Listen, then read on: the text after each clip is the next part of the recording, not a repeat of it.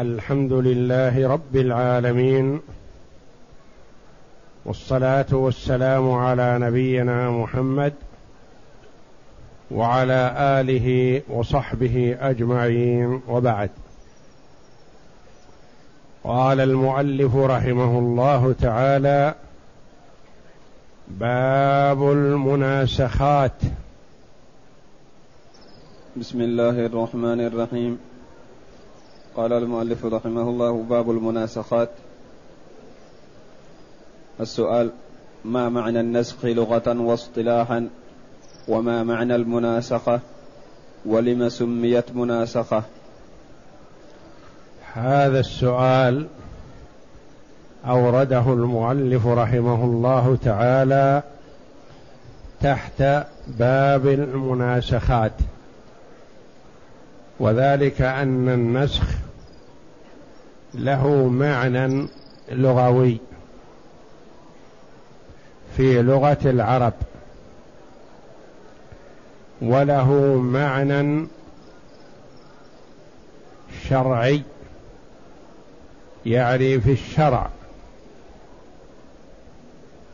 وله معنى اصطلاحي يعني في اصطلاح أهل هذا الفن وهذه المادة التي هي الفرائض.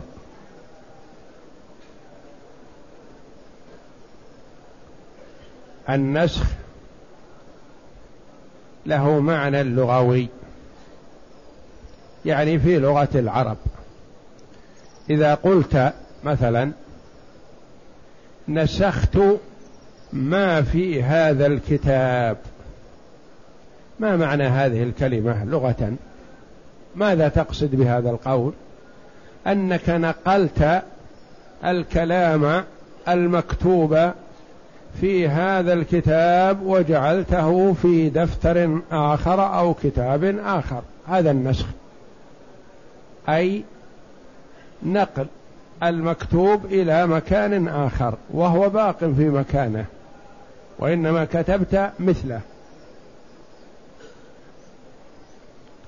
وإذا قيل نسخت الشمس الظل إيش معنى نسخته؟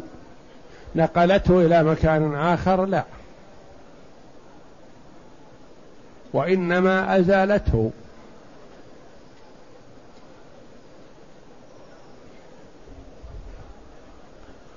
ويقال نسخت الريح آثار الديار. بمعنى غيرته غيرت الأثر. إذا فالنسخ في اللغة يأتي بمعنى الإزالة بالكلية ويأتي بمعنى التغيير. ويأتي بمعنى النقل نقل المكتوب يعني كتابته مرة أخرى وهو باق في مكانه.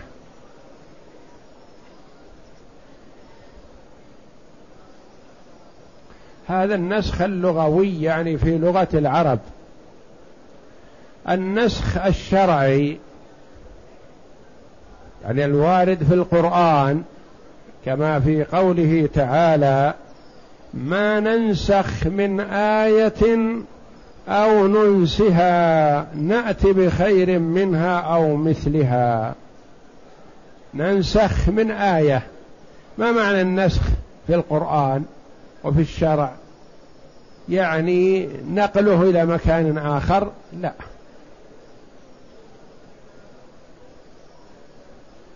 وإنما إلغاء الحكم السابق بحكم جديد.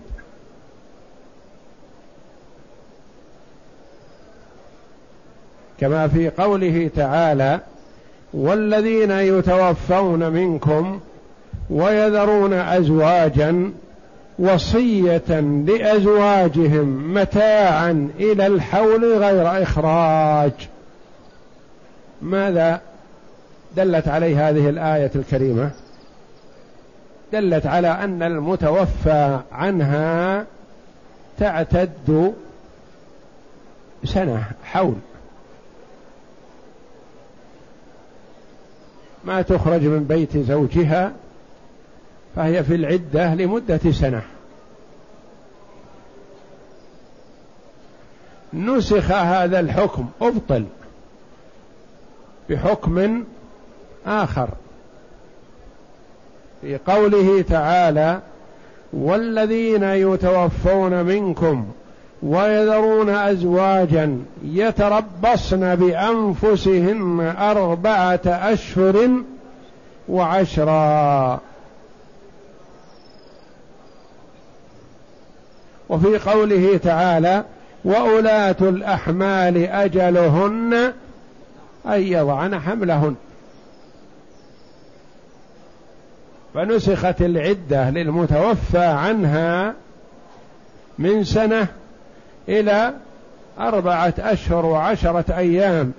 إن لم تكن حامل فإن كانت حامل فبوضع الحمل سواء استغرق هذا الحمل ربع ساعة بعد الوفاة أو أكثر من سنة. هي في العدة.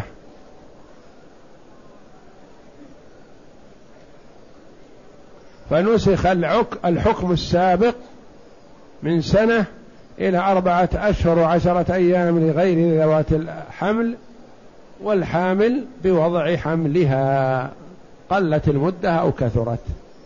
هذا هو النسخ الشرعي يعني في الشرع.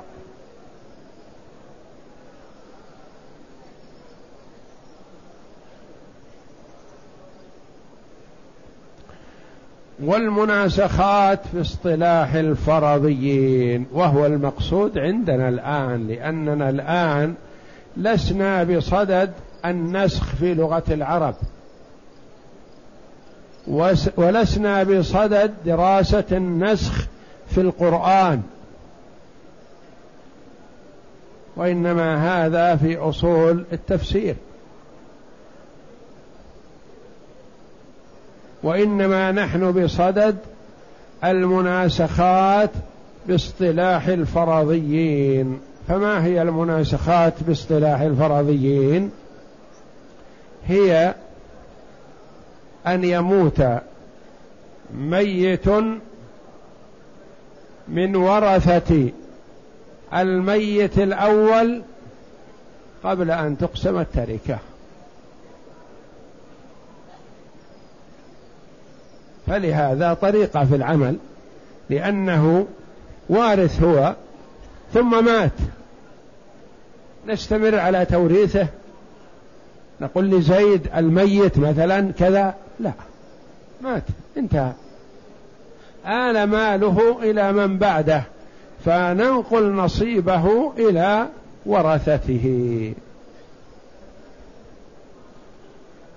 فالنسخ في اصطلاح الفرضيين أن يموت ميت من ورثة الميت الأول قبل قسمة تركة الميت الأول.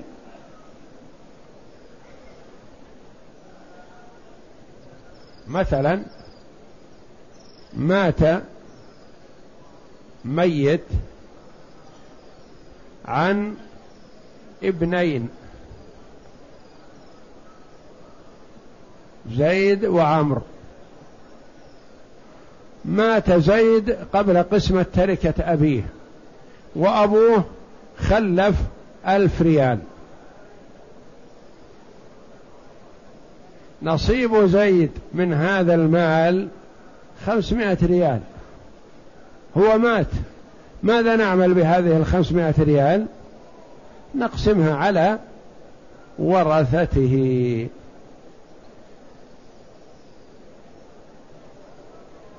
اقرأ. النسخ لغة يطلق النسخ يطلق على الإزالة والنقل والتغيير والإبطال. نحو نسخت الشمس الظل أي أزالته. أزالته. هذه إزالة. نعم. ونسخت الريح آثار الديار أي غيرتها. غيرتها يعني مرور الزمان مع الرياح والأمطار تغير آثار الديار. نعم. ونسخت ما في الكتاب أي نقلته تقول نسخت ما في هذا الكتاب؟ طمسته يعني ونقلته إلى مكان آخر. لا هو باقي في مكانه وإنما نقلته بحروفه. نعم. وشرعا هو يعني هذا في التعريف الشرعي ما المراد بالناسخ يعني في القرآن والسنة. نعم. وشرعا هو رفع الحكم الشرعي بحكم آخر متراخ عنه. رفع الحكم الشرعي بحكم آخر. رفعت العدة من كونها سنة إلى أن صارت أربعة أشهر وعشرة أيام. نسخت الرضاعة المحرمة من عشر رضعات إلى خمس رضعات. في قول عائشة رضي الله عنها كان فيما أنزل على رسول الله صلى الله عليه وسلم عشر رضعات معلومات يحرمنا فنسخنا بخمس رضعات معلومات يحرمنا. فمات رسول الله صلى الله عليه وسلم والأمر على ذلك. نسخت العشر كان في الأول لا يحرم إلا عشر رضعات. لو أرضعت المرأة الطفل مثلا خمس ست سبع رضعات فقط ما أصبح ابنا لها لأن ما كملت عشر. حتى ترضعه عشر مرات عشر رضعات. فنسخ هذا الحكم بخمس رضعات فكانت المرأة إذا أرضعت الطفل خمس رضعات أصبح ابنا لها وابنا لزوجها. وإن أرضعته أربع رضعات ما حرمت عليه وما صارت أما له. والخمس الرضعات قد تجتمع في خمس دقائق أو أقل من ذلك. يعني ما يلزم أن يكون في الرضاع في أيام وليالي متوالية أو في مجالس متعددة.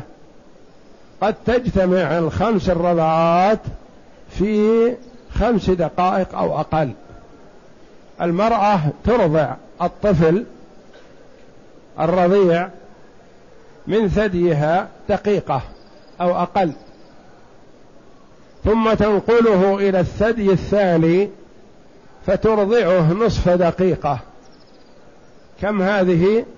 رضعتان. فتعيده إلى الثدي الأول فتكون ثلاث. فترجعه إلى الثدي الثاني فتكون أربع.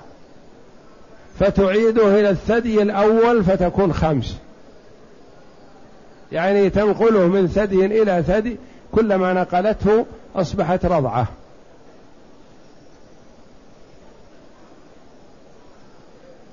هذا النسخ في الاصطلاح الشرعي يعني في الشرع في الكتاب والسنة. رفع الحكم بحكم آخر متراخ عنه يعني بعده. جاء بعده.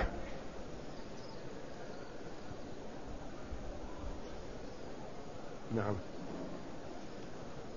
والمناسخة في اصطلاح الفرضيين أن يموت ميت فأكثر من ورثة الميت الأول قبل قسمة تركة الميت الأول. سميت بذلك لأن المال تناسخته الأيدي. يعني المال تناسخته الأيدي. كان الأول لزيد وعمر. مات زيد قبل أن يصل إليه نصيبه فانتقل إلى ورثته. مات عمرو قبل أن يصل إليه نصيبه انتقل إلى ورثته وهكذا. لأن المال تناسخته الأيدي أي تناقلته أو لنسخ حكم الميت الأول. أو لنسخ حكم الميت الأول يعني كأنه غير موجود كأن الموجود هو ورثته. نعم. كم أحوال المناسخات؟ وما هي صفة العمل في كل حال. كم أحوال المناسخات؟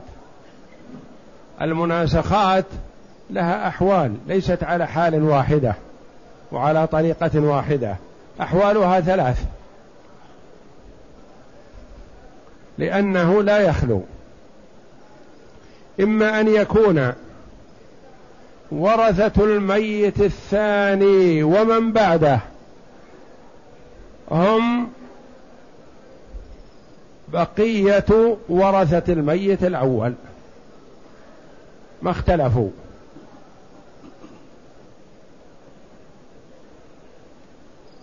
أو يكون ورثة الميت الثاني غير ورثة الميت الأول.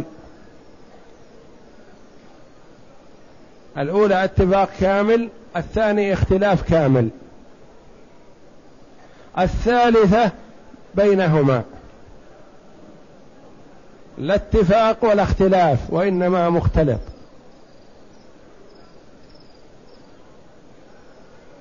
هذا الوارث ورث من الأول وورث من الثاني وورث من الثالث وورث من الرابع كما مر علينا.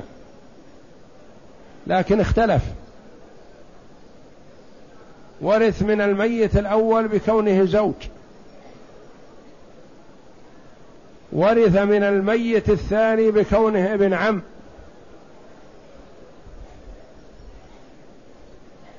ورث من الميت الثالث بكونه زوج.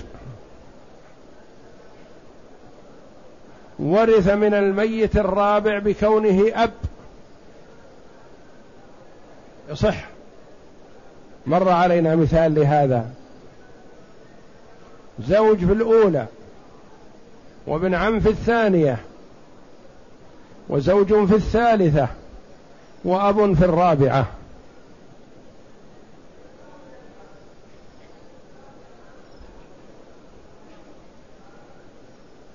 إذن الحالة الأولى أن يكون ورثة الميت الثاني هم بقية ورثة الميت الأول ولا يختلف إرثهم.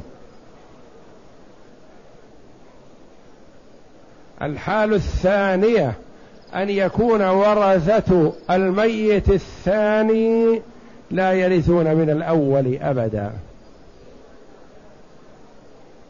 ورثة الميت الثاني ما يرثون من الأول. كل ميت من الأموات ورثته غير ورثة الميت الأول. الحال الثالثة أن يكون ورثة الميت الثاني من ورثة الميت الأول ومن غيرهم. ورثة الميت الأول اختلف إرثهم من الأول للثاني. ولكل حالة من هذه الحالات صفة للعمل وكلها سهلة بحمد الله.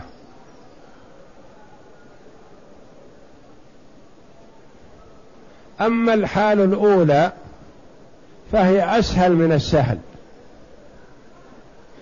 ولذا تسمى الاختصار قبل العمل. لا تطول على نفسك. وتجمع المسائل وتنظر فيما بينها لا ما أنت في حاجة إلى هذا. اقسم على من بقي واسترح. لأن ورثة الميت الثاني والثالث والرابع والخامس هم بقية ورثة الميت الأول ما اختلفوا. فلست في حاجة إلى تعداد مسائل وإنما أنت في حاجة إلى مسألة واحدة فقط. إيضاح ذلك هلك هالك عن عشرة بنين. ثم مات الابن الأول عن إخوته التسعة. ثم مات الابن الثاني عن إخوته الثمانية.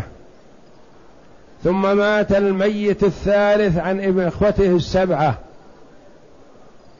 ثم مات الميت الرابع عن إخوته الستة.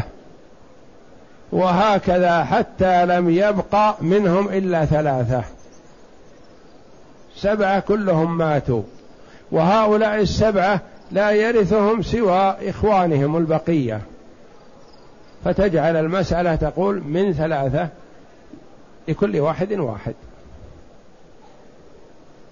الأموات فيها الأول وسبعة إخوة كلهم ماتوا. يعني ثمان مسائل اختصرتها في مسألة بسيطة. من ثلاثة لكل واحد واحد. إن الميت الأول خلف عشرة. الميت الثاني خلف تسعة. الميت الثالث خلف ثمانية. وهكذا وهكذا حتى مات الميت الساء الثامن الثامن وخلف ثلاثة. خلف إخوته الثلاثة. وهذا يسمى الاختصار قبل العمل. ما يحتاج أن نعمل مسائل ونحسب وننظر في النسب الأربع ونعدد. وإنما نقول على عدد رؤوس من بقي لأنه ما يختلف إرثهم. بخلاف لو اختلف إرثهم هلك هالك عن خمسة بنين وزوجة.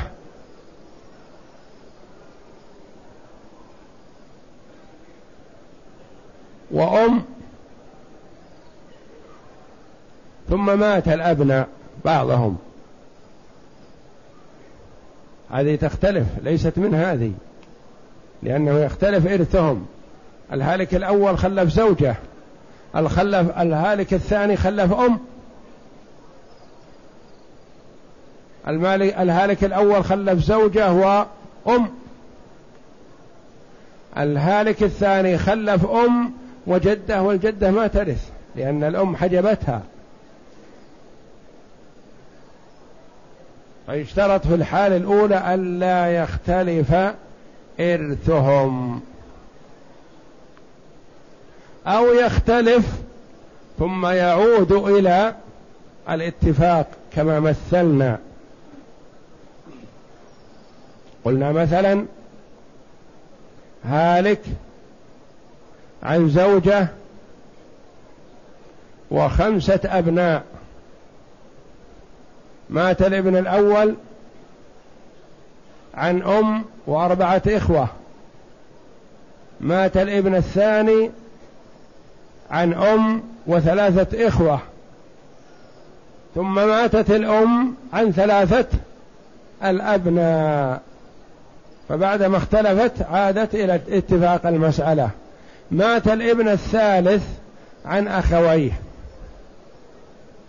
نقول المسألة من اثنين.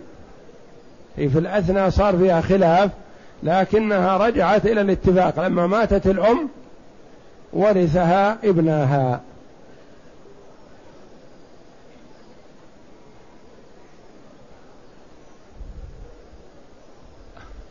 إذا الحال الأولى أن يكون ورثة الميت الثاني ومن بعده لو إذا عشرة.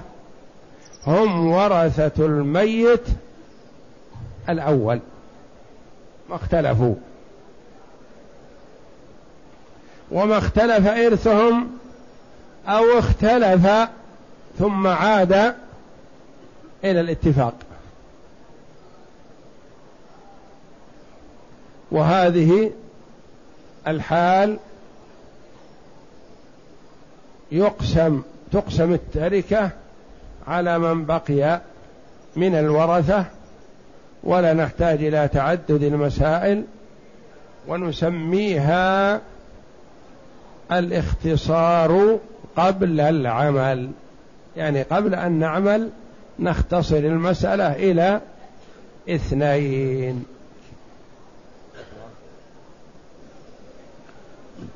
لها ثلاث حالات. الأولى أن يكون ورثة الثاني يرثونه على حسب ميراثهم من الأول مثل أن يكونوا عصبة لهما. فاقسم المال بين من بقي منهم ولا تنظر إلى الميت الأول. كميت خلف عشرة بنين فماتوا واحدا. بعد الآخر. بعد الآخر فلم ماتوا واحدا بعد الآخر. فلم يبق منهم إلا اثنان. فاقسم المال على عدد رؤوس الباقين اثنين. ولا تحتاج إلى عمل مسائل لأنه تطويل بلا فائدة. ويسمى هذا الاختصار قبل العمل. وعلم مما تقدم أنه لا بد في هذا الاختصار من شرطين. لا بد من تحقق الشرطين حتى تكون المسألة من هذا من هذه الحال. نعم. الأول انحصار ورثة من مات بعد الأول في الباقين. يعني يكون الورثة ورثة الثاني هم نفس ورثة الأول الذي بقي منهم. ورثة الثالث هم بقية ورثة الميت الأول والثاني. ورثة الرابع هم بقية الورثة السابقين. نعم. الثاني كون إرثهم من الثاني فمن بعده على حسب ميراثهم من الأول. يعني ما يختلف. ولو اختلف ما صارت من هذه الحال. مثلا هلك هالك عن خمسة بنين وزوجة. مات الابن الأول عن أم وأربعة إخوة. مات الابن الثاني عن أم وثلاثة إخوة. مات الابن الثالث عن أم وأخوين. واستقروا على كذا. ما ماتت الأم. الأم موجودة. ما تنطبق عليهم الحالة الأولى في هذه الحال. لأنه يختلف. الأم ورثت في الحال الأولى بصفتها زوجة أخذت الثمن. ورثت في الحال الثانية بصفتها أم أخذت سدس. في الحال الثانية أخذت سدس وهكذا. وسدسها يختلف. ثمن من ثمانية وسدس من ستة. وهكذا. فلا تنطبق على هذه الحال إذا اختلف ميراثهم. لكن إذا اختلف تكون من الأحوال الآتية بشرط أن تتفق أو تختلف ثم تعود إلى الاتفاق. يعني تكون زوجة ثم أم ثم أم ثم تموت ويرثونها. ما بيدها يؤول إلى من بعدها فتكون من الحال الأولى لأنها اختلفت في الأثناء لكن في الأخير عادت إلى الاتفاق وعدم الاختلاف. نعم. الحالة الثانية.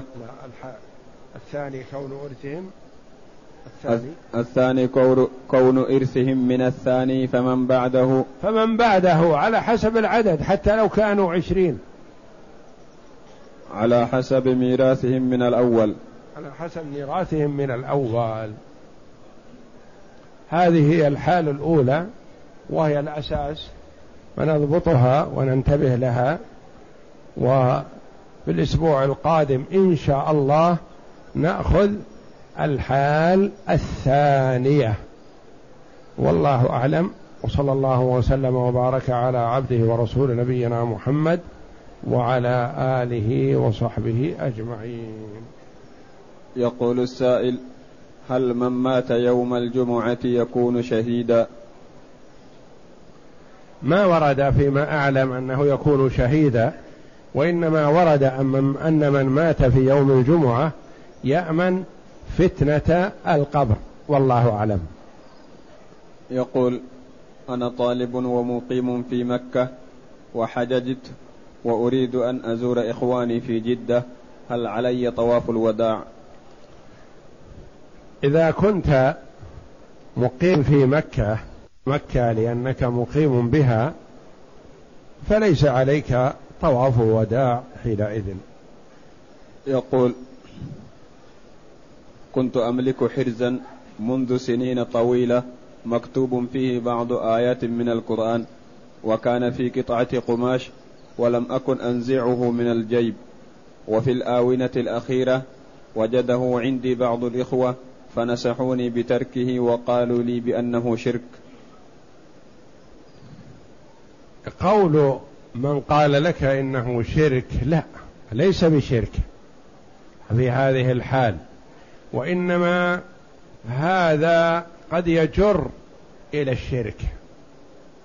فيه محذور ويحسن ألا تعلقه لأمور.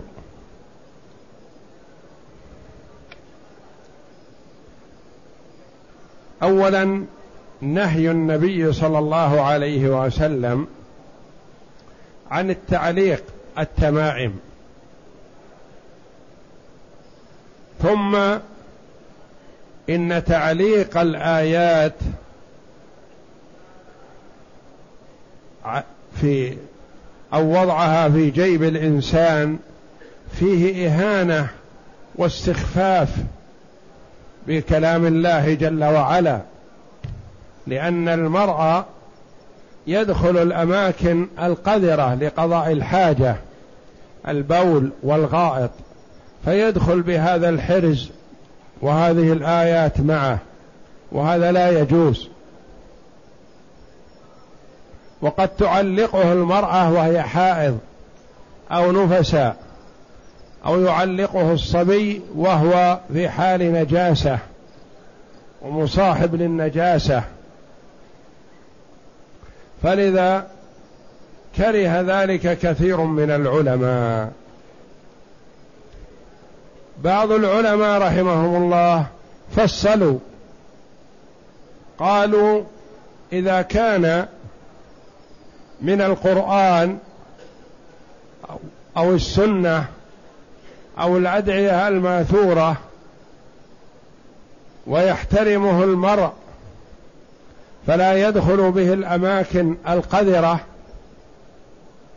ولا تعلقه المرأة وهي حائض أو نفسا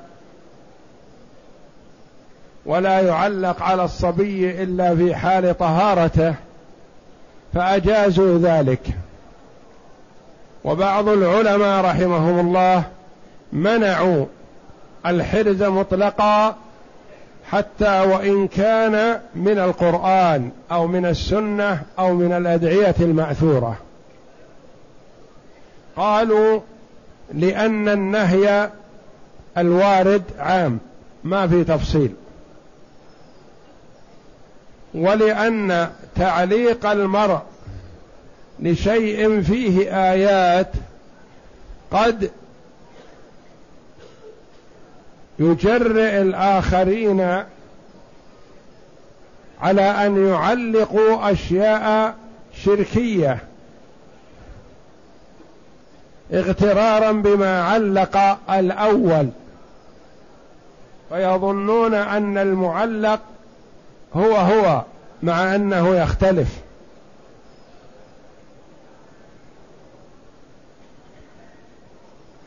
ولئلا يحصل امتهان للآيات القرآنية.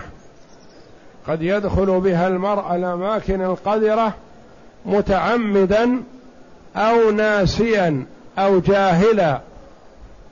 فلذا منعت والمنع أولى وهو اختيار كثير من العلماء رحمهم الله. قالوا عدم التعليق أولى لهذه الأمور. ويكتفى عن هذا بالرقية المشروعة. الرقية من القرآن والسنة والأدعية الصحيحة.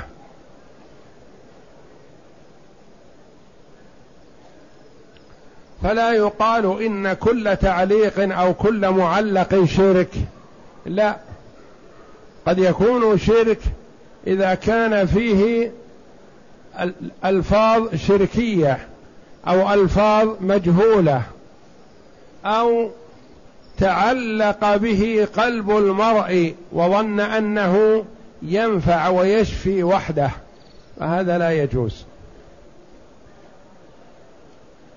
وإذا كان من الآيات وليس فيه محذور أو من الألفاظ المأثورة ولا محذور فيه فقد نهى عنه بعض العلماء للمحاذير السابقة. فالأولى عدم تعليقه وإن كان من القرآن والسنة أو الأدعية المأثورة. يقول ما هي أفضل الأعمال التي يمكن أن يؤديها المسلم في شهر محرم؟ شهر محرم من الأشهر الحرم وهي أربعة في كتاب الله. وهي ذو القعدة وذو الحجة والمحرم ورجب الذي بين جمادة وشعبان.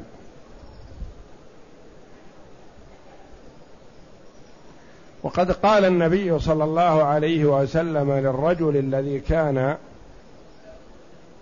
رآه قبل سنة ثم تغيرت حاله كثيرا فسأله النبي صلى الله عليه وسلم ما الذي غير حالك؟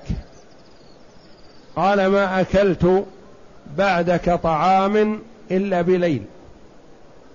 يعني كأنه ما أفطر إلا في الأيام التي يحرم صيامها كأيام العيد. فقال له النبي صلى الله عليه وسلم عذبت نفسك. وأرشده عليه الصلاة والسلام قال له صم من الحرم واترك. صم من الحرم واترك. صم من الحرم واترك. يعني صم وأفطر صم وأفطر من الأشهر الحرم.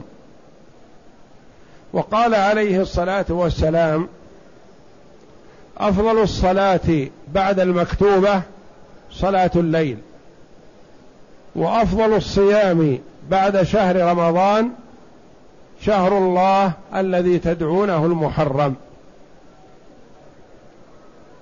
فالصيام في شهر محرم من أفضل الصيام. وفيه يوم عاشوراء الذي قال عنه النبي صلى الله عليه وسلم أحتسب على الله أن يكفر السنة التي قبله. وقال صلى الله عليه وسلم صوموه ويوما قبله. أو يوما بعده. وفي رواية صوموه ويوما قبله ويوما بعده. وذلك أن صيام يوم عاشوراء كانت تصومه اليهود. وهو اليوم الذي نجى الله جل وعلا موسى ومن آمن به. وأغرق فرعون وقومه. فصامه موسى شكرا لله. وصامه نبينا محمد صلى الله عليه وسلم شكرا لله. أما نجى أولياءه وأهلك أعداءه. وأمر صلى الله عليه وسلم بمخالفة اليهود. فلا نوافقهم وإنما نخالفهم بأن نصوم معه يوما قبله أو يوما بعده أو نصوم يوما قبله ويوما بعده. اتباعا لمحمد صلى الله عليه وسلم ومخالفة لليهود. فإذا لم يتمكن المرء إلا من صيام يوم فقط فيصوم يوم عاشوراء ولا يحرم بل يستحب لأنه لأن المسلم ما قصد مشابهة اليهود وإنما قصد سنة رسول الله صلى الله عليه وسلم فصامه. إلا أن الأفضل أن يصوم معه التاسع أو الحادي عشر.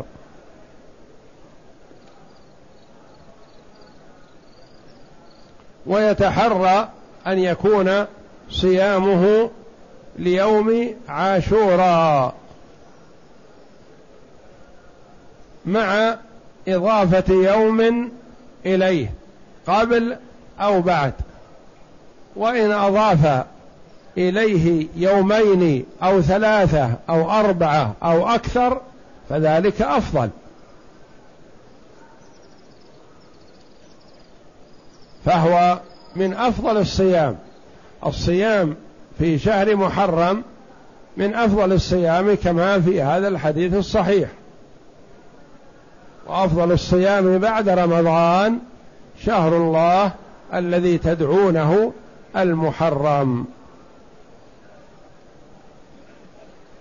والتقرب إلى الله جل وعلا بالعبادات دائما وأبدا ويحرص المرء إذا تقرب إلى الله بشيء أن يداوم عليه ويواظب عليه.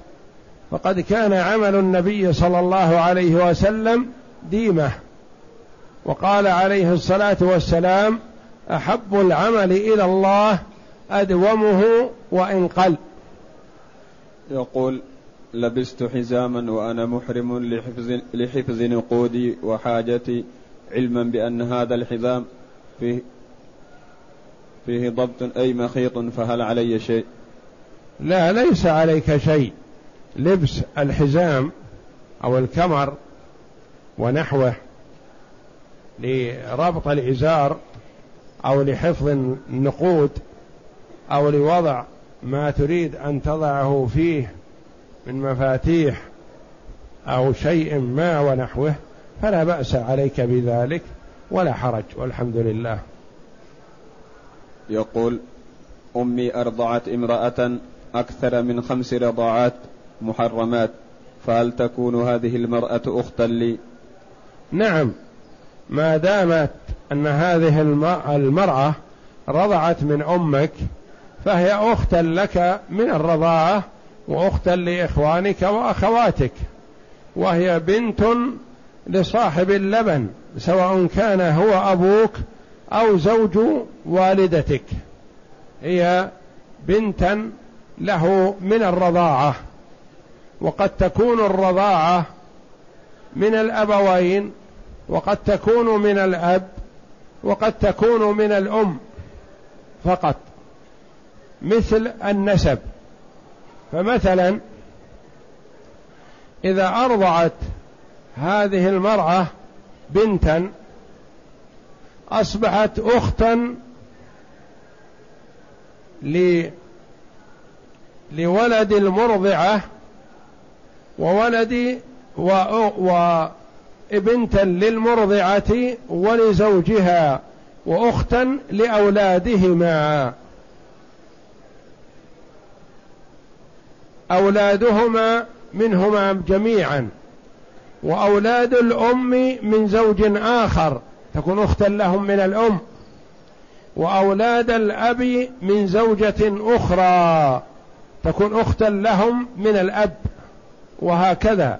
فقد تكون هذه المرأة أختا لهذا الرجل من الأبوين من الرضاعة أو من الأم من الرضاعة أو من الأب من الرضاعة وهكذا يقول هل يجوز في وقت النهي أن أصلي صلاة الوضوء أو النوافل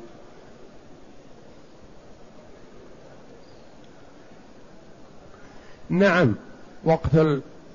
وقت النهي تصلى فيه الفرائض مطلقا ولا تؤخر لقوله صلى الله عليه وسلم من نام عن صلاة أو نسيها فليصلها إذا ذكرها لا كفارة لها إلا ذلك. وتصلى فيه النوافل ذوات الأسباب فقط. وأما ما عداها فلا. إيضاح ذلك.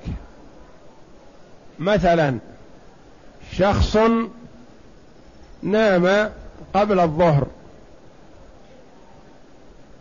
ولم يستيقظ إلا قبيل المغرب بنصف ساعة.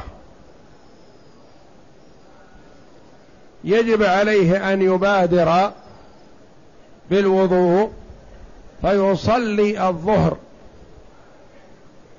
ثم يصلي بعدها العصر. ولا يقل الوقت وقت نهي قبيل المغرب. أنتظر حتى تغرب الشمس. لا. لا يجوز هذا بل يبادر. لهذا الحديث المتقدم من نام عن صلاة أو نسيها فليصلها إذا ذكرها لا كفارة لها إلا ذلك. شخص آخر نسي صلاة العشاء ونام قبل أن يصلي.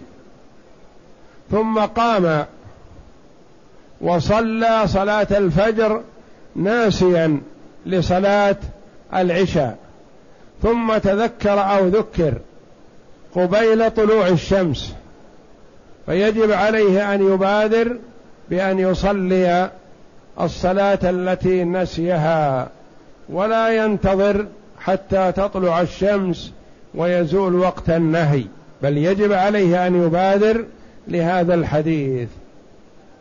أما النوافل فتصلى ذوات الأسباب فقط. فمثلا بعد صلاة الفجر بنصف ساعة دخلت المسجد أنت. نقول لا تجلس حتى تصلي ركعتين تحية المسجد. فتحيه المسجد من ذوات الأسباب. دخول المسجد سبب للصلاة. فصل. أنت صليت الفجر في المسجد وجلست في مكانك. بعد نصف ساعة من الصلاة طرأ لك أن تقوم فتصلي ركعتين. نقول لا. ممنوع لا يجوز لك لأن الوقت وقت نهي. تقول ألستم أمرتم هذا الرجل أن يصلي ركعتين قبل قليل؟ نقول نعم هذا الرجل دخل المسجد. فنهيناه عن الجلوس حتى يصلي ركعتين تحية المسجد وأن جالس في المسجد. آخر بعد صلاة الفجر طاف بالبيت شرفه الله. ثم أراد أن يصلي ركعتين فجاء يسألك هل أصلي ركعتين؟ نقول نعم لأن صلاتك هذه سنة الطواف. يقول إنك قبل قليل لما أراد هذا الرجل أن يقوم ليصلي نهيته وقلت الوقت وقت نهي. أليس وقت نهي بالنسبة لي؟ نقول لا. أنت وجد سبب لصلاتك وهو الطواف. فوجود السبب يبيح الصلاة. وعدم وجود السبب يمنع التنفل. وهذا واضح بحمد الله. إنسان صلى العصر وجلس في المسجد. أراد أن يتنفل؟ نقول لا ممنوع. الوقت وقت نهي. آخر صلى العصر وقام يطوف بالبيت. فلما انتهى من الطواف سألك هل أصلي أم تمنعني كما منعت الأول؟ نقول لا أنت يستحب لك أن تصلي لوجود السبب وهو الطواف والطواف له سنة. وصل سنة الطواف لأن لوجود سببها وهكذا. فذوات الأسباب تصلى ولو كان الوقت وقت نهي. الإمام يخطب يوم الجمعة وقام شخص ليصلي. لا يجوز له ذلك بل عليه أن يجلس وينصت ويسمع الخطبة. آخر دخل المسجد والإمام يخطب. نقول لا يجوز له أن يجلس حتى يصلي ركعتين تحية المسجد وهكذا. يقول السائل إن زوجتي تقوم بالشعوذة واللعب عن طريق الأوراق والكروت ونحو ذلك.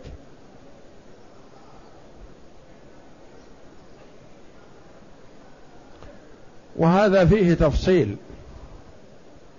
إن كان يترتب على هذا استنتاج أمور في زعمها تصل إلى معلومات تجهلها أو أنها تستفيد بهذا مال من مال الغير تكسبه فهذا لا يجوز. وأما إذا كان مجرد تسلية ولا يترتب عليه شيء ولا يشغل عن واجب فهذا قد يكون مباح إلا أن الإكثار منه لا ينبغي أن يكون لأنه تضييع للوقت بلا فائدة. يقول ورد أن الغلام يعق عنه بشاتين والجارية بشات. لذلك من الناس من إذا لم يجد شاة للغلام ووجد واحدة ترك العقيقة بدليل أن للغلام شاتين فما الصحيح؟ الأفضل في العقيقه أن يعق على الذكر بشاتين ويعق عن الأنثى بشاة فإذا لم يتيسر إلا واحدة فلا ينبغي للمرء أن يتركها وإنما يعق بحسب ما يتيسر. ولا حرج. وهي سنة مؤكدة وليست بواجبة حتم. لا تلزم ولا يأثم بتركها وإنما هي سنة مؤكدة. يقول بعض الحجاج يغسلون الأكفان بماء زمزم هل ينفع هذا؟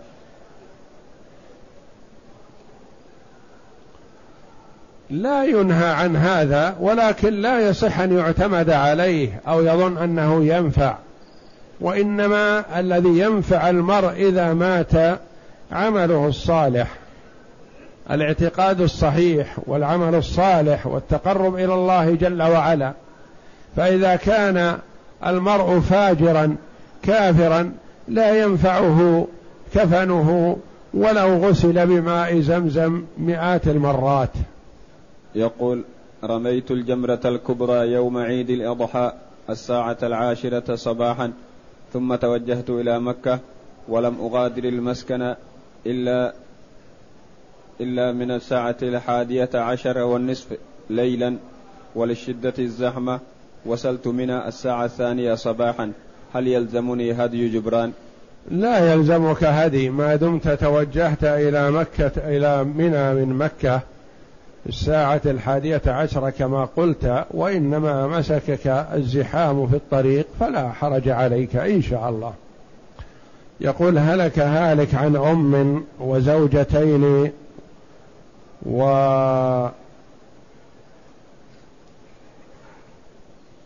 اثنين وبناته.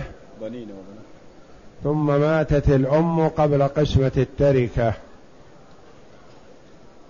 إذا كان الهالك الأول عن أم وزوجتين